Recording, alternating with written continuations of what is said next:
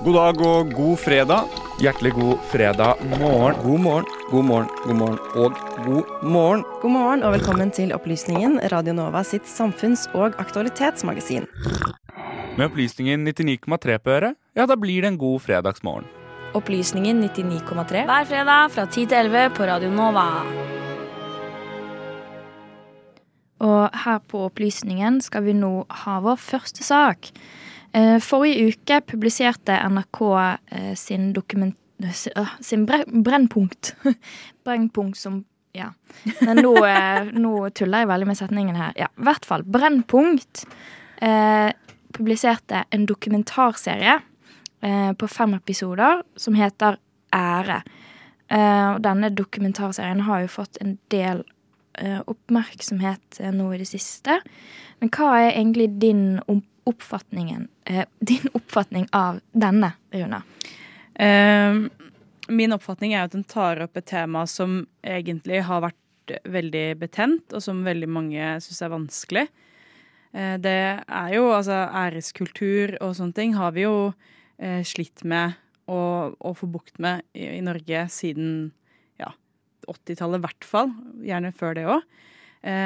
Og det er et kjempe politisk betent tema, fordi alle er enige om at det ikke er bra. Men så er man ikke helt enige om hvordan man skal løse det, og man er ikke helt enige om hvordan man skal ta i det. Eh, og høyresida kritiserer venstresida for å ha berøringsangst. Og venstresida kritiserer høyresida for å komme med lover og regler som er symbolsk og ikke fungerer. Så vi, vi sliter litt med å skjønne hvordan det skal løses. Eh, og eh, er, denne dokumentaren den handler jo om en anonym person, Nora. Eh, og da vi møttes, hadde redaksjonsmøte på mandag, så nevnte vår journalist Amalie Sundby om at hun egentlig hadde lyst til å finne ut av hva som ligger i akkurat det begrepet ære. Så hun tok og intervjuet eh, Inger Sunde om nettopp dette. Dette intervjuet det skal du få lov til å høre nå. Jeg heter Inger Sunde. Jeg er journalist og regissør i NRK Brennpunkt. Og den siste serien jeg har laga nå, heter Ære.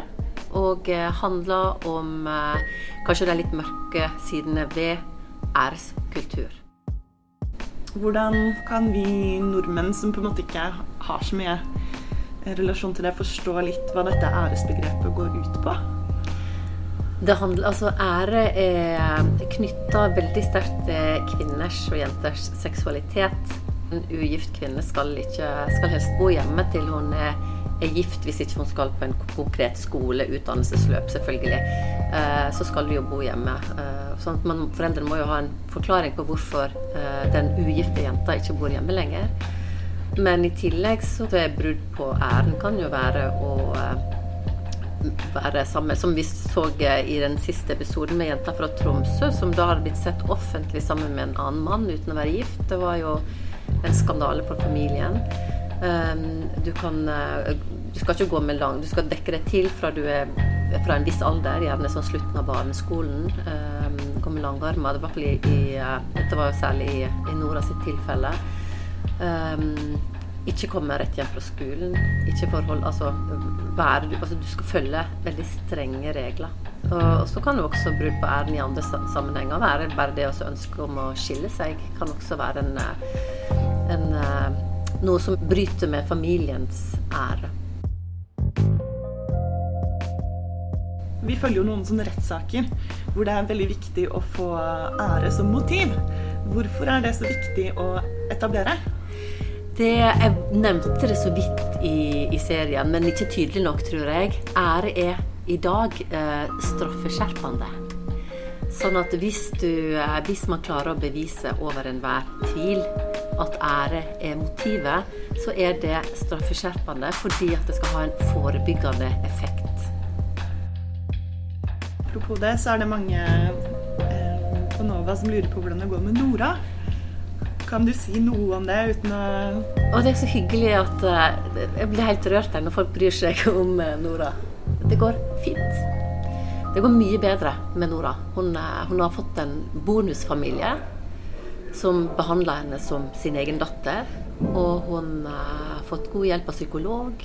som er utrolig viktig, som man virkelig trenger når man var litt oppdratt til uh, å oppleve at en ikke er verdt noe som helst. Som veldig mange av disse særlig jentene da, som har blitt utsatt for æresvold, de er på en måte fratatt selvrespekten fra de er født, nærmest. Så, og da må man ha profesjonell hjelp. Så hun, det går fint. Og så helt på tampen, hvis det er noen som hører på som eh, er i en situasjon hvor de lever under sosial kontroll, hva er det de kan gjøre? Jeg tror det er veldig viktig Jeg har trua på å snakke med dem hvis det er en mangfoldsrådgiver på skolen f.eks. Så tror jeg at de kan være til god hjelp. For de er spesifikt uh, uh, eh, utdanna eller har den kunnskapen som skal til for å kunne veilede vedkommende videre.